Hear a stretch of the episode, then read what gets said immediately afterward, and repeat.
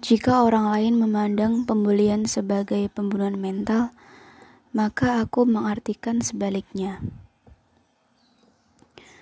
Ada dua respon yang mungkin akan orang lakukan ketika diperlakukan tidak selayaknya. Memberontak ke yang outputnya tidak negatif atau justru menerima dan mengambil pelajaran darinya. Aku memilih yang terakhir.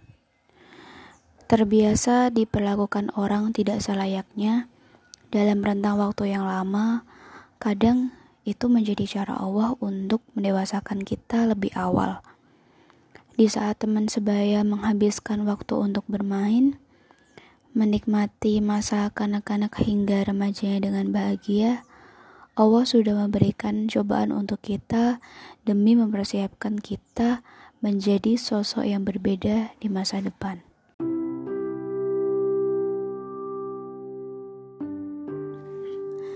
Sebuah cobaan bisa membuat kita menjadi semakin negatif atau malah sebaliknya semakin positif. Lagi-lagi semua itu tergantung dari penerimaan pribadi masing-masing. Ada yang masa kecilnya penuh pembulian sehingga akhirnya ia menjadi sosok yang keras. Ada juga yang masa kecilnya tidak bahagia namun malah tumbuh menjadi sosok yang positif. Lalu, Bagaimana cara terbaik menghadapi sebuah cobaan? Ambil dari sisi hikmah. Saat berbicara tentang ini, aku sembari berkaca pada masa lalu dan belajar dari sisi hikmah. Kejadian buruk seperti apa yang pernah aku alami yang membentukku seperti yang sekarang ini diperlakukan tidak selayaknya saat di jenjang sekolah dasar sampai sekolah menengah pertama pernah membuatku untuk enggan melanjutkan pendidikan. Namun, karena hal ini, justru mental tangguhku terbentuk pelan-pelan.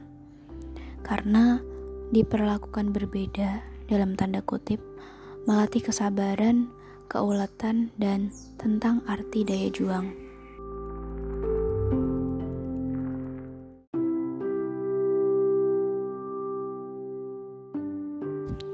Memiliki satu, dua teman akrab saja membuat setiap hubunganku dengan orang-orang tertentu menjadi begitu intens dan menjadikan hubungan dengan orang tua semakin dekat.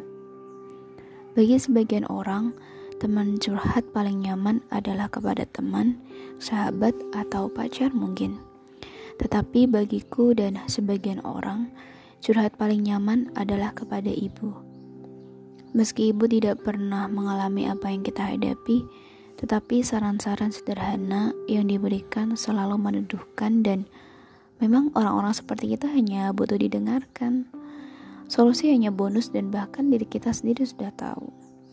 Dan mendengar paling tulus dan selalu siap kapan pun adalah ibu.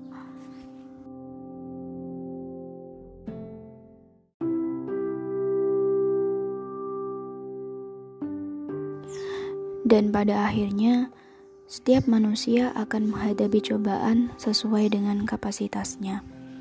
Tidak ada yang lebih berat, juga tidak ada yang sepele dari sebuah cobaan. Tidak usah membandingkan. Cobaanmu tidak seberapa, masih ada yang lebih berat dari kamu. Tidak. Tidak perlu seperti itu karena semua sudah Allah sesuaikan dengan masing-masing pribadi dan menghadapi sebuah kondisi sulit dalam hidup, kita perlu mengelilingi diri dengan orang-orang yang support dan mau mendengarkan kita.